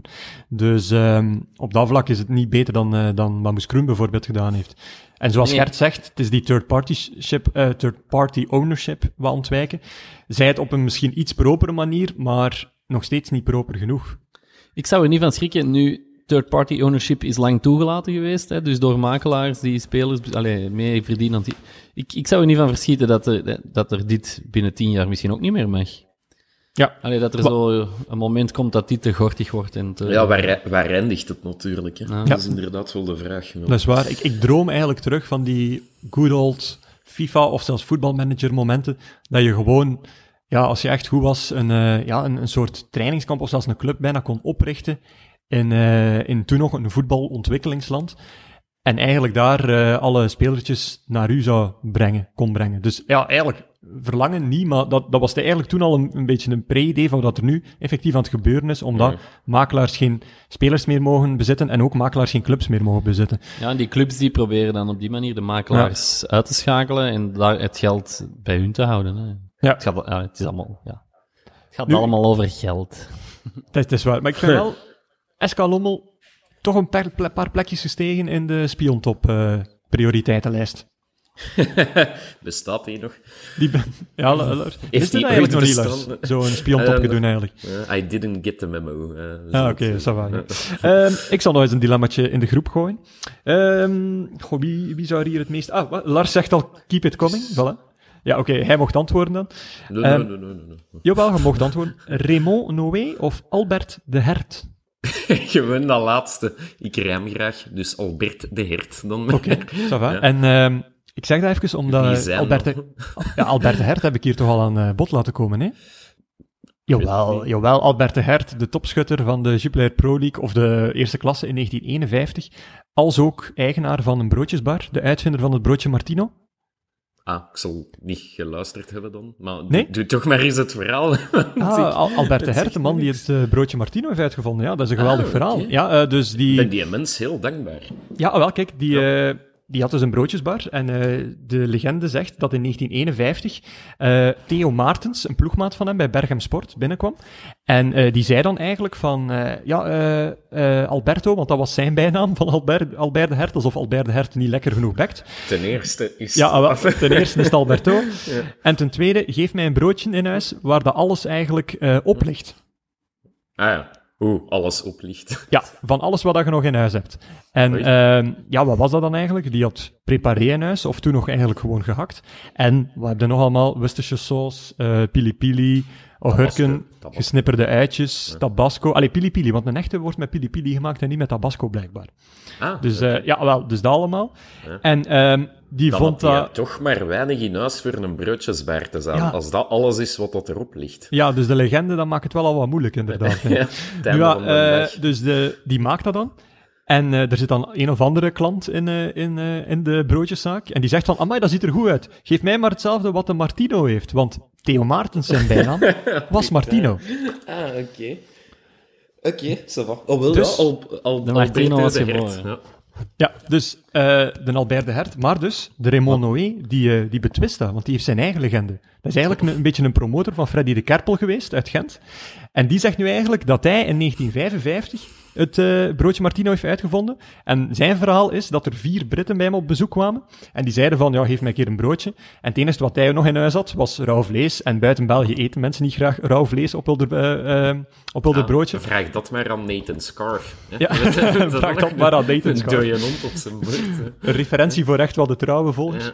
Ehm, nee, en dus die probeerden dat eigenlijk een beetje te maskeren met pittige dingen zoals augurken en ik weet niet wat allemaal en pili pili opnieuw. En dat was dan ook iets wat mensen eh, graag begonnen te eten. Eh, en die Britten zijn er ook mee weggekomen voor die ene Dus, keer. dus ze zijn nu 65 jaar later ambras aan het maken over Nog de steeds, nog steeds. De legende, of wie eigenlijk de correcte legende heeft, is nog steeds een onbesliste strijd. Zijn dat ook fans van Dame Foulon? Doe je weet het Ja, niet. ze- hè, maar- Nee, ze steken het net niet op de ander, ze steken het op zichzelf. Goed, nog een, eh, een laatste dilemma, Lars, want we hebben hem altijd voorgelegd aan onze gasten, maar misschien moeten we nu zelf eens het antwoord geven. Ah ja, ik zal, en, en u mocht allebei antwoorden. Ik wil niet kiezen. Hè? Dus ehm, zeven weken in quarantaine zitten met Bob Peters of Frank Boeks vier avonden lang proberen volgen met suipen. Oei. Oeh, lala. Ja, vier avonden, dat is langzaam. Is er alcohol Maar- bij die quarantaine met Bob, of niet? Is dat dan aan zijn Dus- visvijver in, in, in, eh, in Dat is- Puldersbos of Gelderland? Het is, het is niet gespecificeerd. Zeven weken moet vissen z- met Bob, zeven weken lang elke dag Bob Peters, hè? In uw Ja. living of zo. Oeh, Die zit er dan, hè? Eh, ik, ik zou gaan voor, de, eh, voor het boeksgedeelte, maar ik ga dat niet kunnen, denk ik. Nee, dat gaat ik niet kunnen. Als ik zeg, Rijmax, daar is de training. Je kunt misschien een uur lopen, maar dat kun je dan weer niet. voilà.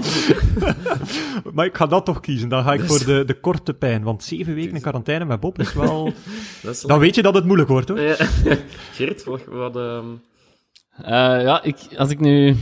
Als het allebei even lang zou duren, zou ik kiezen voor iets met Bob, maar ik kies gewoon voor mijn eigen plat opportunisme en vier dagen, daar ben ik rapper van af. dus ja, eh, ik, ik, ik, allee, ik zou sowieso ook met boeks kiezen, maar zeven weken zappen met boeks, dat zou ik ook wel geren. ik bedoel... Ik weet Maar niet een uur lopen, ho maar... Maar eigenlijk, hè, we zijn er, de Bob Peters We zijn er. Ehm, we hebben... Eigenlijk valt het nog wel goed mee voor een... een ja, actueel lube week ga ik het niet noemen, maar een, een week waarin eigenlijk uh, weinig livesport uh, geweest is. Gelukkig was er Sports Retro, hè, want zelfs de grote Rick de Sadeleer uh, komt eigenlijk uh, in beeld voor deze mm -hmm. week. Want tijdens de uh, retro-wedstrijd van Club Brugge tegen Borussia Dortmund, zo hebben chef van Hoofdstad Michael Geert en Nico de Meij ingestuurd, uh, klonk het bij Rick de beer, bij, bij, even omschrijven, het is een strafschopfase, denk ik. Dus de beer duikt naar de verkeerde hoek, dan heeft de man die trapt altijd de goede hoek. en, ja. en de beer is de doelman? Uh, ja, Teddy de Beer, Wolfgang de Beer, hè, en die werd ook wel eens uh, Teddy de Beer genoemd. Um, Wauw, originele uh, bijnaam. ja, dat, daar was nog wel wat werk aan. Thibaut Geuns heeft ook iets ingestuurd, een one-liner van Sophie Wilmes over de, uh, het loslaten van de lockdown-maatregelen. Daar mm -hmm. klonk het, voor sommigen zal het te snel gaan, voor anderen te traag. En om het met de woorden van Thibaut te zeggen, daar valt uiteraard geen paardenhaar meer tussen te krijgen. Een paardenhaar zelfs? Een paardenhaar. Dus is dat een uitspraak? Heel, dat is al heel fijn. Nooit gehoord. Of, Nooit gehoord, maar ik vind het wel een mooie. Maar, maar dat, is, dat, is, dus niet de winnaar. Nee. Maar, nee, lieve Guillaume, de winnaar. Voel iets komen? Ik voel al iets komen, ik voel het al aan mijn water. Ja, er zijn een aantal mensen, en ik weet zelfs niet meer wie, die uh, ja, u de trofee of de award gingen uh, gunnen deze ik, week. Ik weet dat Bert de Pla heeft iets ingestuurd, en ik weet ook dat Gert Gijssen iets heeft ingestuurd. Ja, Bert, Bert de Pla die heeft, uh, die heeft naar Neutrale Kijkers geluisterd, de aflevering waarin jij geschitterd hebt. Ik zal het zelf dan nog maar eens zeggen. waarin je quote was, ik vind historische matchen van vroeger toch maar niet. ik vind, vind, vind dat mega grappig. dat vind ik wel een goeie eigenlijk. Ja, die is wel goed. Maar we hebben hier toevallig de, de, de inzender zelf bij ons, wat het tweede um, dingen betreft, hè? Misschien ja, moet, ik, moet, je, moet je zelf uw inzending maar eens voorlezen. Uh, ja. En, en rekt, rekt dat een beetje. Hè? Allee, het, pakt, het, het, pakt was, u een tijd maar. De, de, de grootste fans van Guillaume zullen het wel weten. Guillaume heeft vrijdag de Sportwereld Live quiz op Facebook uh, gepresenteerd. Uh, een waanzinnig succes. Ja, maar echt leuk concept, hè. Een uurtje quizzen, pen en papier erbij, iedereen... Zelfbevlekking, thuis, continuous. Thuis zijn, uh, zijn quizje op, oplossen, was heel leuk. En op een gegeven moment stelde hij een vraag, een foto was het, van uh, Ai Sugiyama en um, Kim Kleisters. En er werd gevraagd naar Ai Sugiyama, waarop Guillaume zo het, het aan het volpraten is uh, tot aan de volgende vraag, terwijl de mensen kunnen nadenken. Zegt hij, ja, uh, Ai, nee, nee, niet Ai Sugiyama, hij zegt... Dit, jongens, dit is zo'n antwoord dat je weet of dat je niet weet. En je hebt trouwens geen antwoord verklapt ook. Ja, ja. ja. Vertel, hoe is dat precies gegaan? Wel, uh, we zijn op zoek naar de positie van Vincent Van Asch. We zouden kunnen vragen naar zijn geboorteplaats, naar zijn bijnaam, maar we zijn dus op zoek naar de positie van deze man die al drie keer op rij verkozen werd tot doelman van het jaar. hoe is dat niet? Ja, en Ja, het, gewoon blind ingelopen, hè? Gewoon blind Ja. ingelopen. Dus uh, ja, goed. Dit waren de dilemma's. Ik vond, het, ik vond het verrassend geniaal. Ik vond het geweldig. Toch? Het was goed, ja. Al- was allee, goed. Ik vond het leuk, ik zal het zo zeggen. Ik weet niet of de mensen er thuis iets aan hebben, maar dat kan mij ook niet schelen. Het is de laatste aflevering eh, van ons, met ons drie, dus wij mogen ook hier ons goesting doen. Hè? Ja. Goed, over naar het volgende. Shotcast. De clickbait quiz. Ho, hij is terug. Dat is, dat is lang geleden, hè? Ja, dat is lang dat geleden. Dat is heel lang geleden, ja. Dus ehm, bijna 65 jaar, zou ik denken. Maar, ehm, dus het is een specialeke vandaag, hè, want het is de laatste keer dat we het kunnen doen. Ja, ik, eh, ik sta klaar om mijn trofee in ontvangst te nemen. Dus eh, laat ons zeggen dat de reguliere competitie erop zit. Sinds ehm 14 maart, of wanneer was het? Ja. Eh, ik zal het zo zeggen. Wie stond er toen al, of wat was een tussenstand? Want ik, ik hou dat echt niet bij. Ik denk dat het 9-6 was voor mij. Sowieso een glorieuze overwinning voor mij. Dus eh, als jij door zegt 2 van... met afronding is dat dus 4-3. Afronding naar beneden voor Guillaume. Hè? Ah ja, ja. Nee, nee, on- oneven wordt naar boven afgerond. Ja, vijf, niet, in de, niet in de clickbait quiz, hè, jongen. Eh, Maar- dus eh, hier werd dat naar beneden afgerond. 4-3. En omdat 3 een oneven getal is, komt er nog een puntje bij. Dus, ah, Wat? Ik krijg zelfs geen voordeel of zo. Nee, nee, 4-3. Laat ons zeggen dat jij mag beginnen. Eh, ik, jij mag, Beginnen? Ik heb, drie, ik heb drie opgaves mee en jij mag telkens als eerste raden. Drie clickbait-opgaves of drie verschillende... Drie verschillende eh, vragen. Eén ervan is een klassieke clickbait. Ehm, Ja. Dat is toch om het snelste? eh, nee, want het is eigenlijk een oplijst. Oké, ja, Dus ehm, Ik zal beginnen met een, een wie ben ik? Is iedereen Ja. ermee bekend? Een wie ben ik? Dus ik Ja. pretendeer een eh, speler, coach, eh broodje Martino, whatsoever te zijn. En jullie moeten dan raden wie of wat we zoeken. Ik zal goed. Ik was actief in drie verschillende decennia. Dan lijkt me logisch dat drie verschillende zijn. maar- En dus nu mag ik zeggen, ik gok. Guillaume Of ik gok het niet. Nee, je mag, je mag zeggen, ik wacht. En ik wacht op een tweede tip. Ja. En dan, hè, dus ik eh, je wil al gokken of niet? Mag, hè? Maar als, als bijvoorbeeld Gert straks zegt van, eh, ik ga gokken, dan krijg ik om willen van mijn voordeel de kans om eerder te gokken. Ah, ja, Oké. dat is Kan- mooi. ik ga nog niet me- Oké. Ik speelde samen met zes gouden balwinnaars. Jezus. Eh, eh, wil- Gert, eh, Gert, wil jij gokken? Ehm, wat, wat is het nadeel van te gokken? Dus als... als jij nu wilt gokken, dat mag. Maar Guillaume mag eerst gokken. Dat is zijn voordeel. Voor de rest heb je geen nadeel eigenlijk, buiten het feit dat je ja, direct kunt verliezen. Zijn dat zes verschillende gouden balwinnaars? Ah, dat- dat- ja, geen, vragen. vragen. Nee, dat is... Nee, ik ga nog niet gokken. De feiten zijn er hier nog. Het is wat het is. Ah, ja. Eh, volgende tip dan. Ik speelde in totaal 901 wedstrijden. Ja. Terwijl er net een brommer door je living rijdt, Gert. Of, eh, Prachtig. Ja, mijn, mijn vierjarige zoon eh, heeft nogal graag eh, ja, speciaal speelgoed. oké. Guillaume, gok je of niet, hè? Eh, ik heb een idee, maar zolang Gert niet gokt, heb ik dat voordeel, dus ga ik nog even wachten. Dat is wel- ah ja, dat is wel waar. Ah ja, Ik, ik, Oké, ik, maak- ga gokken. Ja, nee, ja, dan mag Guillaume als eerste gokken, hè. Ja. Eh, ik ga zeggen Xavi. Nee. Gert, Moet ik dan nog antwoorden eigenlijk? Want ik wou hem gewoon Ja. onder druk zetten. Cafu. Cafu. Ah, nee. Dus ik ga dan verder met een eh, volgend weetje over eh, de man of Ja. vrouw of Brutte Martini, in, Martino in kwestie. Ik maakte in die wedstrijden ook 33 goals. Oei. Dus dat, dat kun je wel iets mee normaal gezien. Ja. Hoe, hoe maak je trouwens een broodje martini? Martini. Al wat dat Ik wil naast weer gokken. Ik wil weer gokken. Oké, Guillaume, gok maar als eerste. Ah, ik, ik krijg weer dat voordeel. Ja, is niet goed misschien? Ah, jawel, jawel. Echt, eh, zo kan ik toch nooit winnen. Oké, goed. Dan ehm Paolo Maldini. Gert, ging jij dat gokken? Ja, dat ging mijn gok zijn. ja. Wij hebben, eh, wij hebben een punt voor Guillaume. Ja, Dat was, dat- ik, ik wilde die de vorige ronde, eigenlijk was die ook al door mijn hoofd, maar bon. Ja, praat, praat voor de Inderdaad. de vaak. Of, eh, dus de andere tips waren, ik deed dat allemaal voor dezelfde club. AC Milan. Dat klopt. En ook mijn vader won de Champions League met Ja. dezelfde Eh, club. Ja. Cesare, zeker? Cesare in 1963. En had ik zelf er nog bij gezet, als ik echt hoere chance heb, doet mijn zoon op een dag nog hetzelfde. Ja.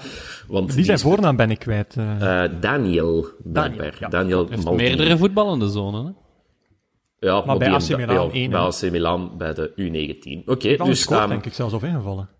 Uh, ingevallen, dat zegt mij wel iets, ja. Of ik denk dat hij toch wel eens heeft mogen meedoen bij de grote jongens. Maar oké, ehm, het is 1-0 dan in de grote finale, hè. Yes. Want de tellers gingen weer op nul, we zullen het Krijgt hem nu weer voordeel? eh, want ja, het is hier wel Nee, nee, duidelijk. nee, dat- is niet nodig. Net als zal Moes u wel- Kroen in eerste klasse moet blijven, moet Guillaume hier duidelijk winnen. Hij heeft zijn voordeel gehad nu, hè. Daar kunnen we het Ja. wel over eens Ja, zijn. ik heb mijn voordeel Oké, eh, een eh clickbait specialeke. Een, allee, ik ben nog eens op de clickbait-sites eh, beland. En ik dacht...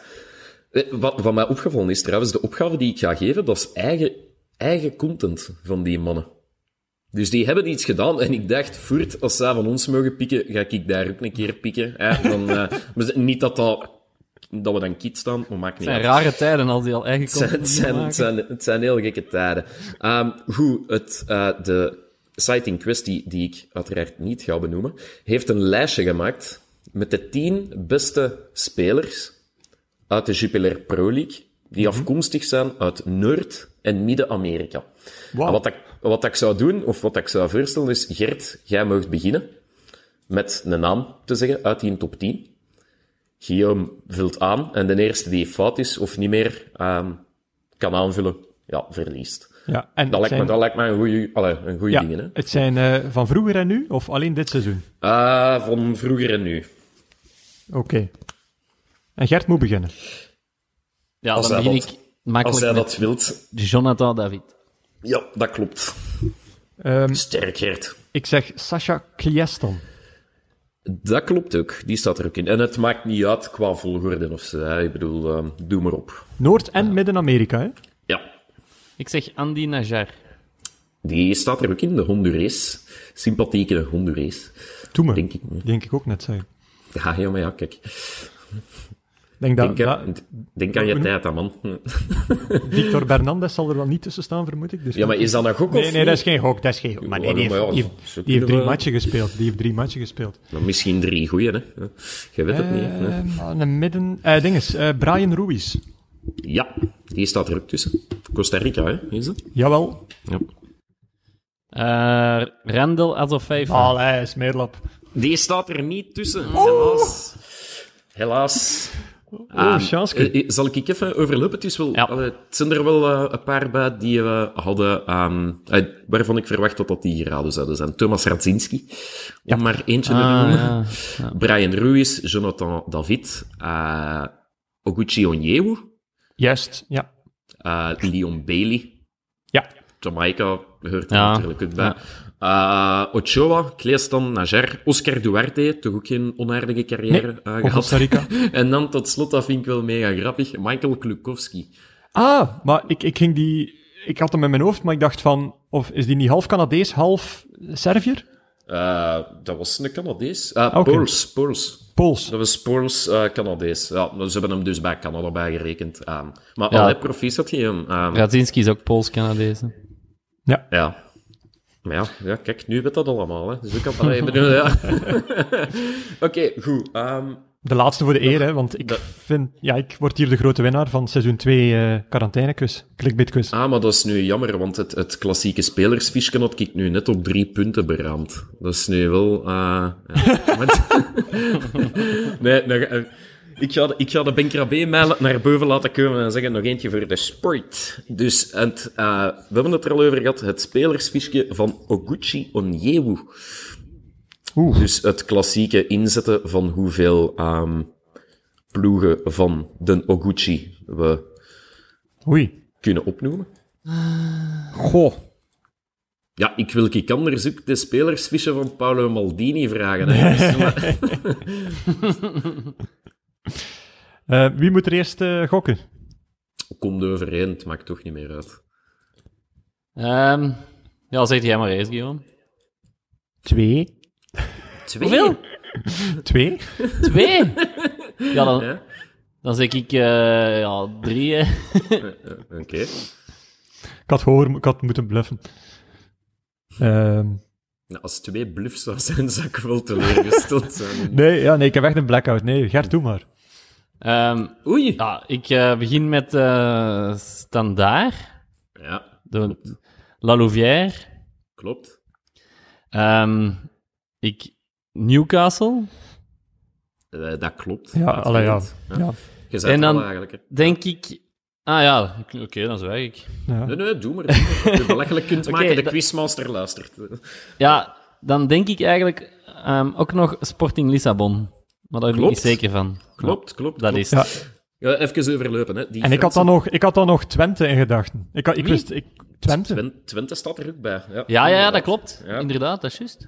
Ik kwam Ja. enkel maar op standaard en Twente. Ah, en Oh, Milan. Milan, voilà. je Milan, AC de- Milan, de ja, gaan er tuurlijk. nog Oh. komen. Ja. ik zal En even... kwam- Ja, Ja. zeg maar, zeg maar. Nee, nee. Ja, volgens mij een ploeg die vorige week genoemd is eh Mes. Voilà, ik dacht net te zeggen, de ploeg die wij niet kunnen uitspreken. Eh, Jezus. Ah, dat klopt. Dus Mes, La Louvière, Standaard, Newcastle, Milan, Twente, Sporting Lissabon. En dan zijn er nog, dus het is chronologisch, zijn er nog vijf ploegen die overschieten.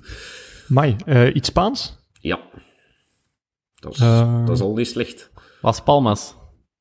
Mm, Nee, nee. Qua klinkers zit al juist baas. Maar Allee, qua, qua letter. Ook een eiland. Je zet er de kan, eigenlijk. Malaga. Ja, ja klopt. Eh, Malaga, QPR. Al heeft hij daar wel niet gespeeld. Sheffield Wednesday, Charlton en ehm, uiteindelijk Philadelphia Union. Of Ja, Philadelphia. Union, ze hier zeggen. Ja. Oh. Eh, dat had wel straf geweest. Ja, Maar, uiteindelijk... ehm, ja, ik had er wel vijf moeten weten, maar... Voetbalt hij ja, nog eigenlijk? Uh, volgens het immer betrouwbare Wikipedia niet. Maar ik, ik, ik weet het eigenlijk niet. Um, maar ik was, ik was een beetje aan, aan het zoeken van inderdaad, hoe zou het nog met Uguchi zijn? En het grappige is het, als je die naam googelt, komt altijd als eerste de anekdote met Zlatan Ibrahimovic tevoorschijn. Heb uh, iemand, iemand daarmee bekend? Die speelde samen bij Milan en op een dag kwam het wel tot een aanvaring um, en Zlatan beweerde dat Onyewu zijn ribben gebroken had door te fel in duel te gaan. Oké. En ze stonden neus aan neus. En in de biografie van Zlatan, die toch wel vrij grotesk en weet ik wat is, eh, werd dat omschreven. Dus Zlatan omschreef het als al een geluk dat er ploegmats waren tussengekomen, want anders was één van ons twee sowieso gestorven. wat, ik wel, wat ik wel knap vind, eigenlijk. Dus, uh, het zal niet voilà. Herzlatan zelf geweest zijn, denk ik. Nee, onze Noguchi, hè. Ja. Ja. Mooie, mooie quiz, uh, Lars. Ik mag ik je danken slecht, voor, het, uh, voor het quizmasterschap vandaag en de af, afgelopen seizoen. Uh, ja, jij moogt dat. Ja. Ik word ervoor betaald uiteindelijk. Hè. Dus, dat is waar. Ik moet wel zeggen dat de, dat de reguliere competitie mij wel gered heeft, denk ik. ja, dat is waar. Gert, ehm, ga Ja, de voorsprong bij de eerste, want dat had ik inderdaad ook geweten. Dus ja. Maar als wat... Wilde jij nog iets aanvechten of zo? Dat kan hier allemaal. Hè? Ja, er zal, ik zal wel iets vinden om naar, mee naar bas te trekken, yes, natuurlijk. En daar krijg ik altijd gelijk. Sowieso. Oh, wat, een sle wat een slechte verliezer. Over naar het volgende. Shotcast. Heren, dit was het. Met ons drie alvast. Volgende week hebben we nog een hele leuke aflevering. Dan gaan we op zoek naar uh, de beste verhalen van afgelopen seizoen. We hebben nog een heel speciale gast. En daarmee ga ik direct zeggen wat ik deze week ga doen. Namelijk die gast nog een week in toon proberen houden. Want hij is me toch wel een, uh, ja, een rappe spreker en enthousiasteling. Maar daarom zijn we heel blij dat hij komt. En om een kleine tip te geven, dat hij eigenlijk terugkomt. Dus... Um... Ja, zeg het anders direct, hè. we, we, blijven, we, blijven een beetje, uh, we blijven een beetje geheimzinnig. Mensen zullen wel zien over wie dat we het hebben. Dus dat is nog een beetje onze slotaflevering. Uh, gaan jullie nog iets geks doen? Lars, toch eens proberen een uur te lopen, of? uh, in totaal, ja, naar mijn frigo of zo. Ja. Ik denk, denk dat ik wel aan een uur kom dan nog op een week. Lars gaat een uurtje bewegen. een uur bewegen de komende week, het is goed. Ja. ja. Oké, okay, proficiat, proficiat. Gert, jij nog iets? Uh, uh, nee, nog wat in de tuin werken wellicht uh, tussendoor, want veel andere dingen kunnen we niet doen. Hè. Buiten nee. werken en in de tuin werken. Om erkend te worden, zeg het maar. Ja. ja. Dat is de enige vorm van erkenning die je tuinwerken opbrengt, denk ik. maar goed, ja. Bon, dan gaan we het hierbij laten, zeker. Ik denk onze langste aflevering ooit met drie, maar dat is niet erg. Het is ook wel zeker onze zotste aflevering met drie geweest. Ja. dus wat ga ik doen? Ik ga zeggen bedankt uh, Whereby om uh, de aflevering op te nemen. En ik zou zeggen, bedankt uh, jullie twee om het tweede seizoen uit te houden met mij. Ja, bedankt is... Guillaume om het seizoen uit te houden met ons. Krijgen wij daar een prijs voor of zo, of niet? Da ja, ehm, daar zullen we nog eens over nadenken. Ik zal een tractatie geven omwille van mijn, van mijn clickbait. Ah, dat uur ah, dat doen. Ja. En bedankt jullie luisteraars om erbij bij te zijn bij ons tweede seizoen. Volgende week is er nog een uitsmijter. En wie weet zijn we er sneller dan verwacht nog eens terug, alvorens seizoen 3 aanvat, wanneer dat ook mogen zijn. Tot de volgende keer.